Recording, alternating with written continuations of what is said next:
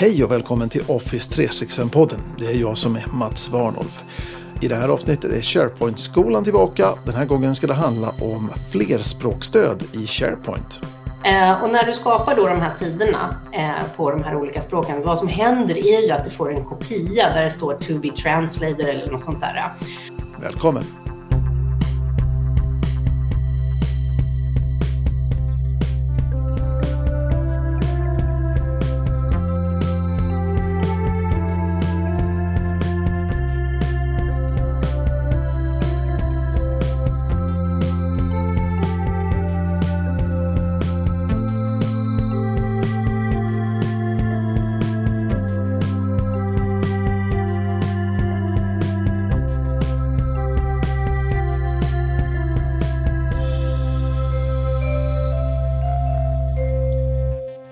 Ja, välkommen tillbaka till Office 365-podden för det här första sommaravsnittet.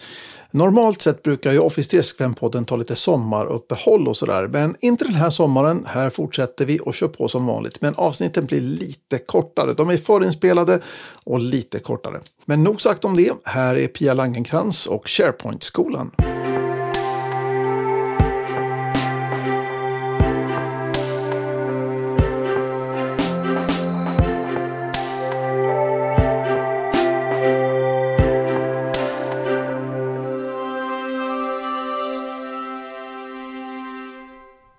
Vad ska man med flera språk i SharePoint till?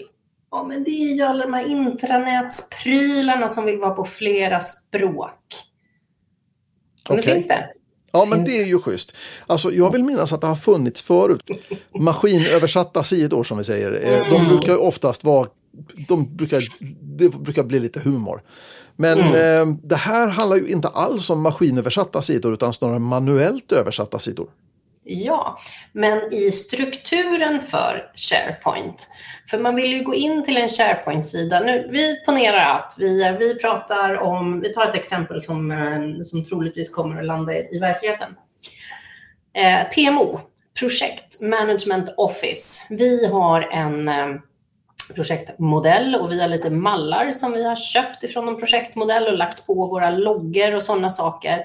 Men innehållet vill vi ha på lokala språk.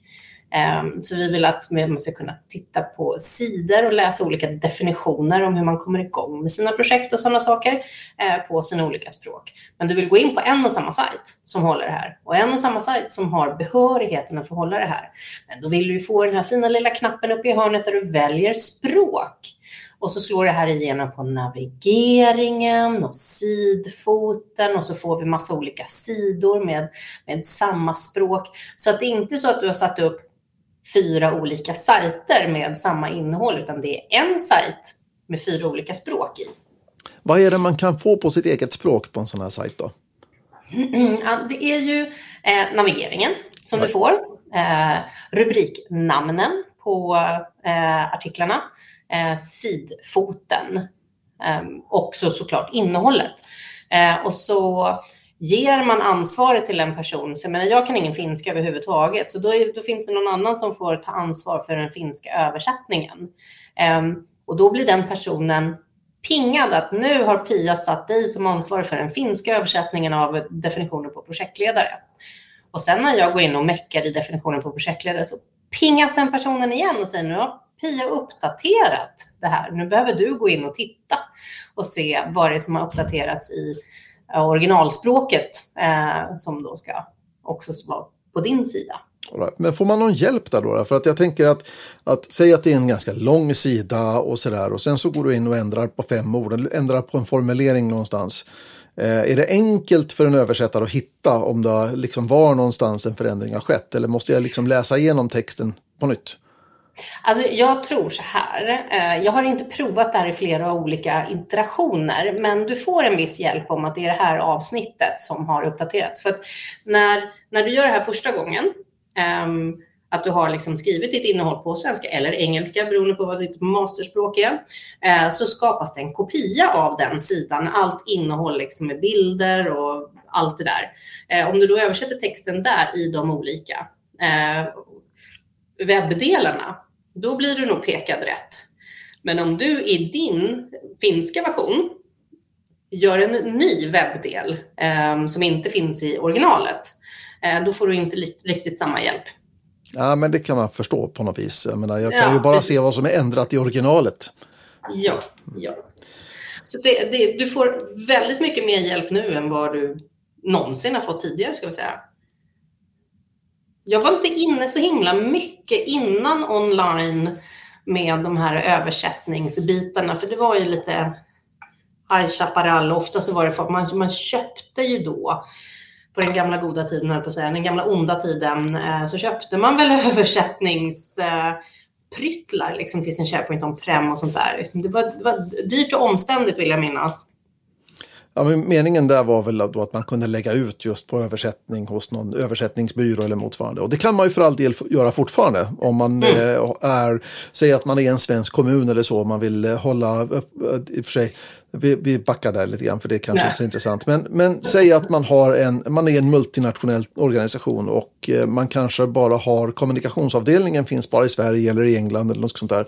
Men man vill få ut sidor, kanske HR till exempel vill få ut sidor på olika, olika språk i olika länder. Så kan man ju faktiskt köpa översättningstjänster någonstans ifrån.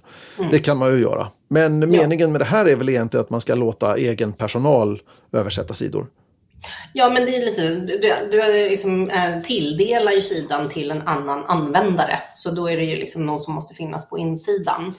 Eh, men jag vill ändå nu säga någonting om Microsoft Translate. Du får ju inte den i SharePoint, men du kan ju faktiskt copy-paste till eh, Word eller PowerPoint ehm, om du vill eh, och använda Microsoft Translate där. För jag tycker att eh, den tjänsten har blivit riktigt, riktigt bra faktiskt.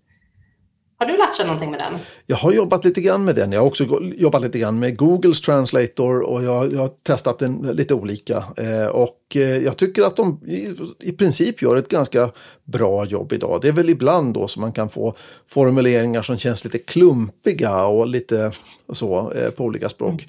Mm. Eh, men för det mesta tycker jag faktiskt att det är relativt bra. Ja, jag, jag tycker de har gått från klarhet till klarhet faktiskt. Eh, det som är värst i, liksom i vår bransch, IT-branschen, för vi, vi har ju så mycket svengelska uttryck, så vi säger så här, men vi vill inte översätta adoption, vi vill återanvända ordet adoption eh, och support och liksom lite sådana där ord som är. Eh, men, men annars, jag tycker det är ganska bra eh, översättningar.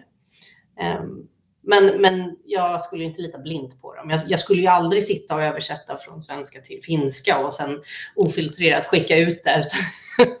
eller, eller japanska eller något sånt där helt galet. Utan det skulle ju vara någonting som, alltså om jag översätter till engelska så, eh, så skulle jag använda det. Eh, liksom, en bra början. Det, det går ju mycket fortare för mig att korrläsa Microsoft Translate-delarna eh, än att göra om det. Mm. Och jag använder det ganska mycket som i mina powerpoints, sånt där som jag gör väldigt mycket med instruktioner och annat, liksom, så använder jag den. Mm. Den kan man ha. Det funkar ju jätte, jättebra. Eh, de sakerna som, de, de tillfällena när det inte blir så bra. Det finns två scenarier som man kan råka ut för tycker jag. Det ena är naturligtvis om man själv då, precis som du säger här nu, eh, bestämmer sig för att maskinöversätta, alltså via Microsoft Translate eller motsvarande då, till ett språk som man inte själv begriper. Eh, den andra saken som kan bli roligt är om man har en översättare, alltså någon som pratar det språket men som inte är bra på engelska eller svenska. Eh, mm. Så att man missförstår vad originaltexten innebär. Eh, för det kan ju också bli väldigt, väldigt roligt. när man börjar nu med att översätta sidor, alltså om jag fattat det rätt, när man slår på det här med, med liksom flerspråkstödet och så vidare, så måste man åtminstone tala om då vad, det är för, vad har man för originalspråk. Mm-hmm. Kan man byta det längs vägen? Säg att man har börjat skriva lite sidor eh, och, och sådär och sen så bestämmer man sig för nej men default, jag vill byta default-språk på min sajt och sen så går man in och så översätter man. Kan man göra det? Nej, men däremot så kan du ju ändra på eh, språket på, på översättningen. Eh, det här har jag märkt, för nu när jag börjar latcha med, med den här grejen så ser jag att jag har ju skapat sajter på svenska där jag skrivit innehåll på både svenska och engelska. Eh, där jag då ska liksom försöka städa upp lite grann. Så, så det går ju fippla lite grann liksom med liksom just en specifik sida, att det har ett språk. Men eh, Nej. Man börjar ju med, om, när man slår på det här så talar man om då vad det är för default language på sin sajt. Och sen så lägger man till de språken som man vill ha översatt till. Så om man då vill ha liksom svenska, finska, italienska till exempel. Vilket är en lattjo kombination. Men låt oss säga att vi har de tre språken. Eh, och sen så kan jag då tala om då, vil, vem är översättaren till finska, vem är översättare på italienska. Eh, och sen så börjar jag skriva mina sidor på svenska helt enkelt. Och och eh, i takt med att jag skapar nya sidor så kan jag säga jag vill skapa den här på alla språk. Och eh, när eh, den sidan då så att säga, när den dyker upp då, då kommer en ping just till den finska och italienska översättaren då om att oh, nu finns det en ny sida att översätta. Mm. Det, men det, det, tycker jag faktiskt är väldigt bra. Just den här liksom att man får ett ansvar på vem som är ansvarig för översättningen och att du får bli notifierad när det sker förändringar. Eh, någonting som jag också blev väldigt, väldigt glad över, det var ju hur enkelt det var att slå på det. Du behöver bara vara ägare på sajten. Så du kan slå på det på vilken sajt som helst. Det behöver inte vara en communication sajt. Det kan vara teamsajt eller ja, whatever. Um, och det var väldigt enkelt att ändra just i navigeringen. Det var ju liksom de här eh, edit, men nu, nu måste jag bara säga, jag har fortfarande stora problem med navigeringen eh, och de funktionerna som finns i SharePoint. För du har verkligen bara en lång lista. Jag, jag, vill kunna, jag vill kunna jobba lite mer smartare med navigeringen som vi kunde göra förr i tiden. Eh, men det kommer säkert. Det kommer säkert. Men ändå där så är det liksom tre prickarna så går man in på översättningarna och så säger man på det här språket ska det heta det här. Mm -hmm. Jättesmidigt faktiskt. Um, och jag menar, liksom rent tekniskt då, sätta på det här liksom på, på sajten och liksom vad som är defaultspråket och det här. Det tar ju inte mer än 5-10 minuter, kaffe inkluderad. Det är praktiskt. Ja, ja. Och, och sen just att har du lagt till ett språk, ja, sen Ska du lägga på ett språk till? Ja, men då gör det sen. Du behöver liksom inte göra allting på en gång. Utan nu, gräv där du står, börja där du är. Ja, men det är ju väldigt bra att det fungerar just på det sättet. Så mm. man kan ju bara slå på. Men eh, låt oss säga nu här att vi du har liksom en, en jag hör vad du säger. Alltså jag, jag, vill bara förtydliga det här då. Att om jag nu har då en sajt som jag har kört på i ett och ett halvt år och sen så helt plötsligt och så köper vi då ett, eh, ett kanadensiskt bolag och vi behöver ha sidor på franska eller något sånt där. Eh, kan jag då slå på flerspråksstödet då på en existerande communication site? Det är det du säger? Ja, ja absolut. Eh, och när du skapar då de här sidorna eh, på de här olika språken, vad som händer är ju att du får en kopia där det står to be translated eller något sånt där. Så att du får då hela sidan på engelska tills den är översatt. Så det är ju inte någon sån här maskinöversatt under tiden. Så att om, om de fram tills dess fick läsa det på engelska så kommer de få fortsätta att läsa det på engelska tills översättaren har hunnit ikapp. Ja, all right. Mm. Ja, det låter ju vettigt faktiskt. Det låter ju mm. relativt enkelt att åstadkomma. Så här. Finns det någon nackdel med det här? Som du kan se? Ja, men alltså, nackdelen är ju liksom, det blir ju ett större admin eh, av det. Um, det blir ju, du behöver planera och tänka efter lite mer när du gör förändringar. Det går inte bara att mecka om allting utan det påverkar ju olika språk. Eh, så det blir ju bara en, en djupare, en fetare sajt helt enkelt. Men är det, är det det du har behov av så då är det så här du ska göra. Mm. Om jag som användare då, om jag kommer in här då så att säga eh, och, och surfar på sajten, vad är det som styr vilket språk jag får på mina sidor? Oh, det här, vad är det för språk? Alltså, du har ju, det finns ju tre nivåer. Det här är ju någonting som driver vansinne på väldigt många som säger hur svårt kan det vara? Men ja, en hel del faktiskt. Du har ju först språket på din, själva, på din burk, vad du har för någonting där. På Windows eller på Mac OS eller vad man nu har. Så att ja, säga. exakt. Mm. exakt. Eh, och sen så har du webbläsaren Chrome, Edge, Safari, någonting sånt där. Eh, och sen så har du i din Microsoft 365-användare i din profil. Eh, och det här språket kan du ändra själv eller kanske inte, för din admin ehm, eh, har strypt den möjligheten. Det finns möjligheter att göra det. Ehm, annars kan ju det vara jättekul att bara ställa om någon som man inte gillar ställer om deras på japanska och sånt där. Det kan de kanske ha, jag vet inte.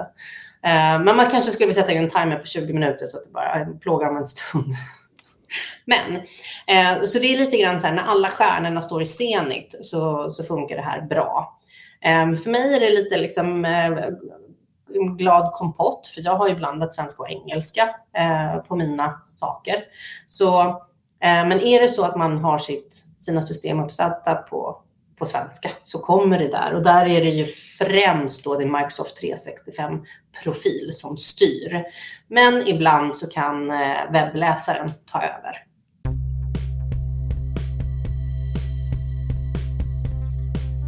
Och det var allt för Office 365-podden och SharePoint-skolan för den här gången. Tack Pia Langenkrans och tack till dig som har lyssnat. Om det är så att du har tankar, frågor eller undringar av något slag, hör gärna av dig på mejladressen office365podden at varnolf.net. Ha det så gott, trevlig sommar, hej!